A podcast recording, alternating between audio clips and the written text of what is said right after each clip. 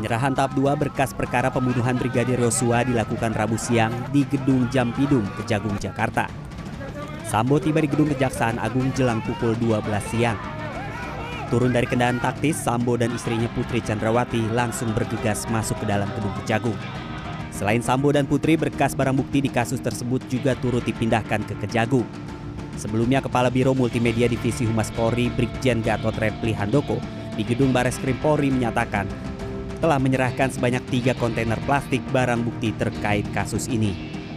Selain barang bukti, total ada 11 orang tersangka dengan rincian lima orang tersangka kasus pembunuhan berencana dan tujuh orang tersangka perintangan penyidikan yang juga diserahkan.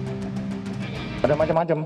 Yang jelas jumlahnya hampir ada sekitar uh, tiga kontainer plastik. Plastik itu.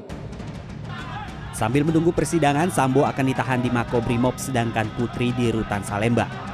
Setelah kurang lebih satu jam berada di dalam gedung, Sambo akhirnya keluar dari gedung Jampidum. Sebelum pergi meninggalkan lokasi, Ferdi Sambo sempat menyampaikan permintaan maaf kepada orang tua Brigadir Yosua. Selain itu, ia mengaku siap menjalani proses hukum dan akan mempertanggungjawabkan perbuatannya. Saya siap untuk menjalani semua proses hukum. Istri saya tangan bapak lepas pak. Bapak saya pegang. Tidak melakukan apa-apa justru menjadi korban.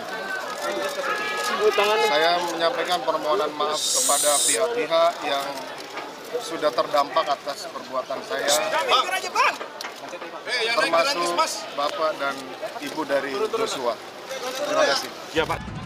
Kendati demikian, mantan Kadif Propampori itu menegaskan sang istri Putri Chandrawati tidak bersalah dan merupakan korban yang terseret dalam kasus ini. Sambo meninggalkan Kejagung dengan kendaraan taktis Primopori untuk kembali ditahan di rutan Mabes Polri.